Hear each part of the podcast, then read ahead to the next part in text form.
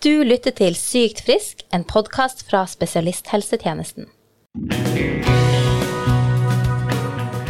Når vi blir syke og må få behandling i helsevesenet, er det helt vanlig å bli redd eller usikker og ikke forstå alt. Så hvordan er det når man i tillegg har en flerkulturell bakgrunn eller ikke har norsk som morsmål? I denne episoden deler vi informasjon som er nyttig for minoritetsspråklige pasienter og pårørende.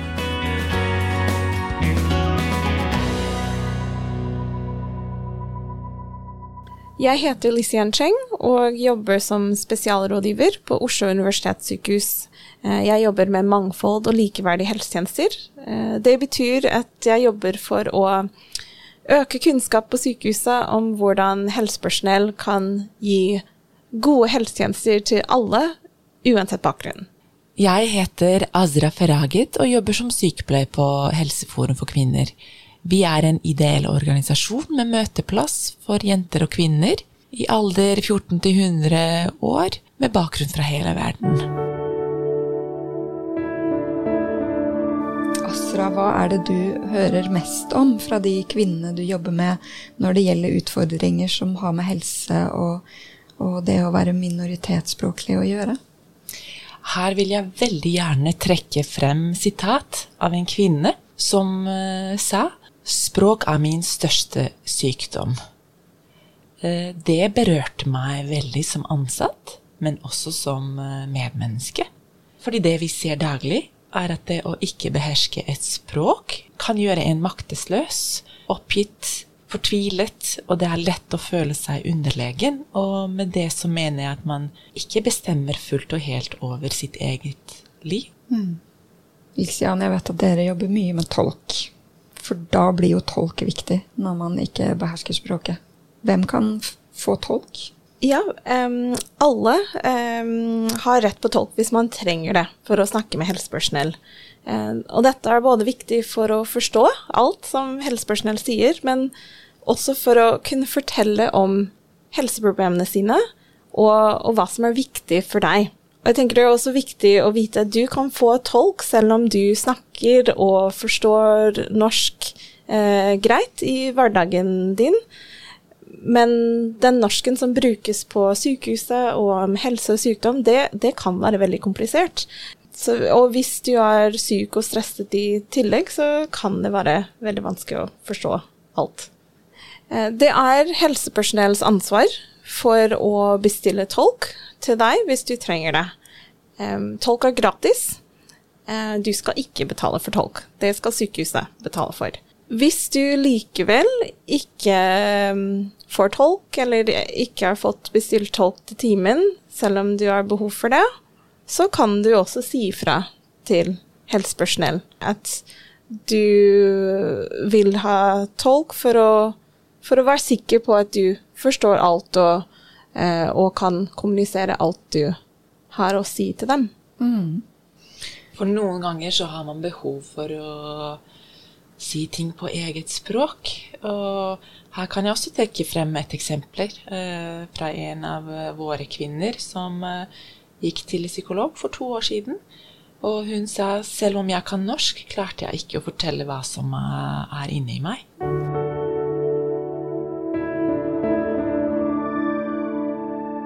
Hva med familie eller en venn som snakker godt norsk? Da Kan ikke de være tolk, eller kan de bli bedt om å være tolk? Det er veldig viktig at venner og familie ikke brukes som tolk. Vi tenker at venner og familie de, de skal være støttepersoner for deg, um, og ikke stresse med å tolke samtidig.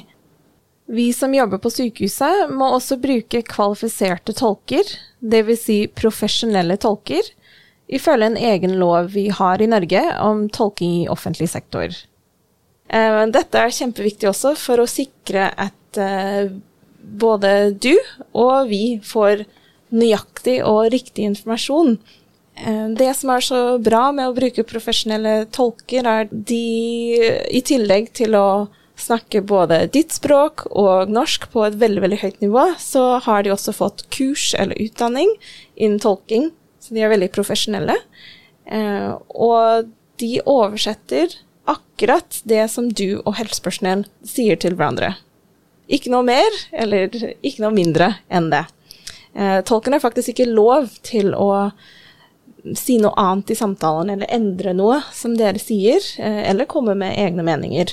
Så du kan være trygg på at det er en nøytral person som sier riktig informasjon fra helsepersonell. Tolken har også taushetsplikt, som betyr at de ikke har lov til å dele informasjon fra samtalen. Og uh, de er også som en, nøytral, som en nøytral person i samtalen, så betyr det også at de ikke skal ha noe relasjon til deg eller til saken din. Så det er veldig trygt å snakke via tolk.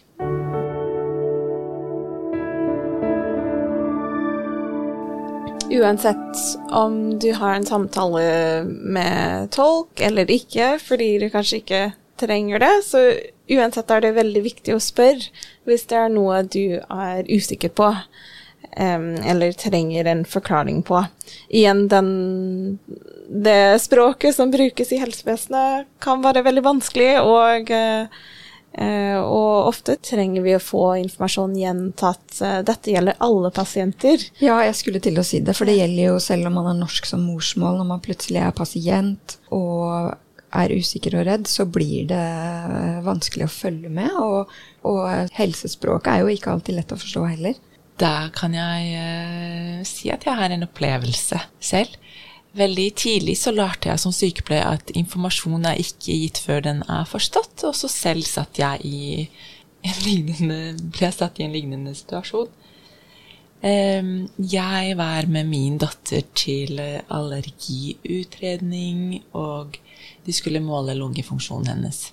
Prøven var ikke optimal, og det endte med at eh, legen forskrev eh, astmamedisiner ved behov. Og vi ble tatt inn på et rom av sykepleier som skulle vise oss inhalasjonsmedisiner og hvordan disse brukes. Informasjon som ble gitt, kom, eh, ble gitt relativt fort. Og på et tidspunkt så ble det sagt ja, men du er jo sykepleier, så dette kan du. Og jeg satt der og hadde egentlig mest behov for å være mamma. Jeg trengte å ta innover eh, det at barnet mitt kanskje hadde astma. Heldigvis så fikk vi aldri bruk for de medisinene. Men det jeg opplevde da, var at når man er stresset, så tar man ikke inn informasjon like bra.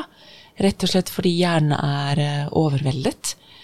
Og det er derfor det er så viktig at man legger til rette for at kommunikasjon fungerer, og at man blir sett. Det viser også så godt det vi snakket om i stad, om, om ja, kan pårørende, tol kan pårørende tolke eller ikke? Og det akkurat det de sa, Asra, at i den situasjonen Ja, du er utdannet sykepleier, men du, hadde, du var mamma i den situasjonen. Um, og jeg tenker også for uh, ja, vår familie eller venner eller andre pårørende som er der for å støtte oss i en vanskelig situasjon, de må også kunne være akkurat det, en støtteperson, eh, det, og ikke en tolk. Det handler om pasientsikkerhet òg, det at man skal være sikker på at pasienten forstår ja, hvordan de skal bruke medisinen, forstår hva man skal gjøre når man blir skrevet ut og skal hjem, så det er jo viktig for helsepersonell også at pasienten har forstått. Er det ikke det? Ja, og det er derfor vi er veldig opptatt av å både vi har gitt riktig og god informasjon, og, og du også har forstått hvordan du kan bruke den informasjonen, og også spør om, om du har noen, noen, spørsmål til det. Det var fint det du sa, Asra, at informasjonen er ikke gitt før den er forstått. Mm. Så hvis du ikke har forstått, så har du jo i virkeligheten ikke, ikke fått, fått, informasjon. Ja. Eh, Lisian, medvirkning er et ord som man snakker mye om i sykehuset. At pasienten har medvirkning og medbestemmelse. Kan, kan du forklare litt hva det ordet medvirkning er? Ja, det er et veldig viktig ord um, i norsk helsevesen. Uh, medvirkning betyr at du skal kunne være involvert i og ha å kunne påvirke din egen sak, og at du skal sammen med helsepersonell bestemme hva som er riktig for deg. Så det Ja, du, så du er også med på å bestemme, ikke bare legen. um, og, og, vi som helsepersonell er Vi vil vite hva som er viktig for deg, og, og hva du tenker også et, um, ja, kan være viktig for behandlingen. I tillegg til det medisinske og det som har med helsa di å gjøre, er det andre ting som helsepersonell bør vite om deg når du er på sykehuset, som kan hjelpe deg når du er syk? Det er uh, veldig viktig for helsepersonell å, å, få vite, i tillegg til det medisinske, men også hva, hva er det som gir deg styrke, håp, hva kan hjelpe deg uh, bli frisk, uh, og hva kan hjelpe gjøre din tid på sykehuset bedre og mer komfortabel. Mm. Har du noen eksempler på hva det kan være? Asra? Ja, nylig var det en som sa at hun var på besøk til noen bekjente som var eh, på sykehuset i Oslo, eh, og så at de har eh, bønnerom. Dette var veldig positivt. Hun sa hvis sykehuset har bønnerom der vi kan be, så er det veldig, veldig, veldig bra. Jeg kom til å tenke på når du sa bønnerom, Asra, og nå er det jo straks ramadan, nå når vi tar opp dette. Er det også sånn det går an å snakke med helsepersonell om, hvis du ligger på sykehus? Absolutt. Jeg tenker begge de eksemplene om ramadan og det om bønnerom viser at uh, tro og livssyn at det kan være viktig for noen. Helsepersonell vil gjerne legge til rette for at du kan praktisere din tro eller livssyn samtidig som du er under behandling. Hvis vi tar det med fasting, f.eks. Hvis du tar viktige medisiner, kan legen hjelpe deg finne ut om det kan kombineres med fasten, eventuelt om du må gjøre noen tilpasninger. Hvis du også f.eks. har eh, noen spesielle behov når det gjelder mat, så er det viktig at du sier ifra. Sykehusene er generelt veldig gode på å tilpasse mat for ulike dietter, om det er kosher eller halal eller vegetar osv. Eh, si ifra til helsepersonell. Og så fins det mulighet for samtalepartner òg, gjør det ikke det? Hvis du eh, trenger en livssynssamtalepartner? For mange kan det å være på sykehuset være en ganske stressende situasjon. Eh, kanskje man har fått en alvorlig diagnose. Um, og trenger noen å snakke med. Sykehusene har ressurspersoner, eller kan kontakte ressurspersoner som du kan snakke med om dine bekymringer, eh, din situasjon, eh, eller hvis du har åndelige eller eksistensielle spørsmål som kommer opp eh, i forbindelse med sykdommen og din situasjon. De aller fleste sykehusene har sykehusprester som kan snakke med alle, uavhengig av bakgrunn. Eh, noen sykehus også har samtalepartnere fra andre tro- og livssamfunn som de kan kontakte. Eh, så hvis det er noen som du ønsker å snakke med, så er det bare å si fra til helsepersonell.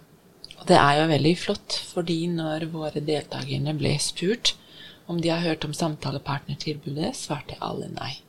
Ja, og da tenker jeg det er um, ja, det er viktig at helsepersonell informerer om det hvis det finnes et slikt tilbud på sykehuset, men um, det er ikke alltid dette skjer, så man kan gjerne også spørre. Mm. Så da er det viktig at vi sier det nå, da. Hvis mm. du mm, yeah. har behov for å snakke med noen om din tro eller din uh, redsel eller frykt eller utrygghet i forbindelse med sykehusbesøk, så spør etter en samtalepartner.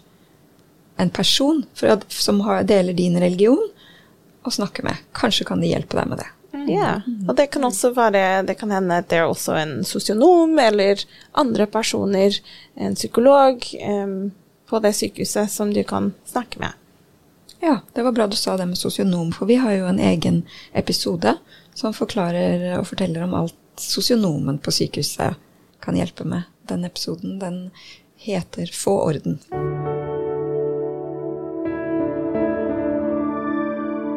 I 2020 ble en av våre deltakere lagt inn på sykehus med påvist covid. Hun var veldig dårlig, kunne ikke løfte en kopp, sa hun. Og etter tre dager ble hun presset til å reise hjem, selv om hun fortsatt følte seg svært syk.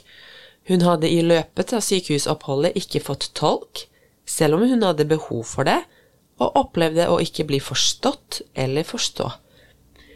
Hun tryglet om å få bli på sykehuset, men ble sendt hjem opplevde rett og slett å bli misforstått. Etter en dag hjemme ble hun sykere igjen og tok kontakt med en venninne som hadde en sønn som var lege, for å få råd. Det endte med at hun ble innlagt igjen, hentet i ambulanse hjemme og innlagt på et annet sykehus.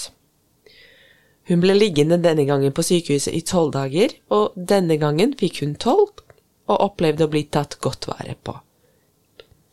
Det hadde vært superviktig for sykehuset det gjelder å få en tilbakemelding på dette. Det burde absolutt blitt bestilt tolk på det første sykehuset hun var på, siden det var vanskelig for henne å forklare sine symptomer og behov på en god måte, og forstå det som skjedde under sykehusoppholdet. Og her ser vi hvor viktig god kommunikasjon er når man er på sykehuset, og ikke minst for å få til en trygg utskrivning. Igjen, hvis du opplever at um, du ikke fikk den hjelpen uh, som du skulle ha, så, så er det viktig å, å, gi tilbakemelding til sykehuset, eller eventuelt klage. Uh, det fins også uh, Pasient- og brukerombudet, som er et offentlig kontor som gir gratis hjelp til pasienter og pårørende. Og Pasient- og brukerombudet fins i hvert fylke. Og da kan de hjelpe deg hvis du har spørsmål om din sak, men også om generelle spørsmål om helserettigheter og helsetjenester. Så da kan du absolutt få hjelp med det som, som er vanskelig eller komplisert å forstå. De har taushetsplikt, og du kan til og med være anonym når du kontakter dem, hvis du vil. Og de bestiller også tolk til møte hvis du trenger det. Og hvis man går inn på nettsidene til Sykt frisk, så legger vi lenker der til eh, flere nyttige sider, bl.a. til pasient- og brukerombudet. Asra og Lisian, hva vil dere si er de aller viktigste tingene vi har snakka om i dag? Eh, god kommunikasjon skaper trygghet. Både for deg og for helsepersonell. Så det er absolutt innafor å spørre om tolk. Mm, og spør om du ikke forstår. Ikke tenk at du er til bru. Eh, helsepersonell vil hjelpe og vil at du forstår. Det er også viktig å si fra til helsepersonell eh, hva som er viktig for deg. Eh, om det er noe som kan gjøre din tid på sykehuset litt lettere.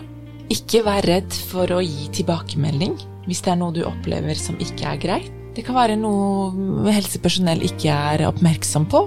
Vi trenger, dine, vi trenger dine tilbakemeldinger for å bli bedre.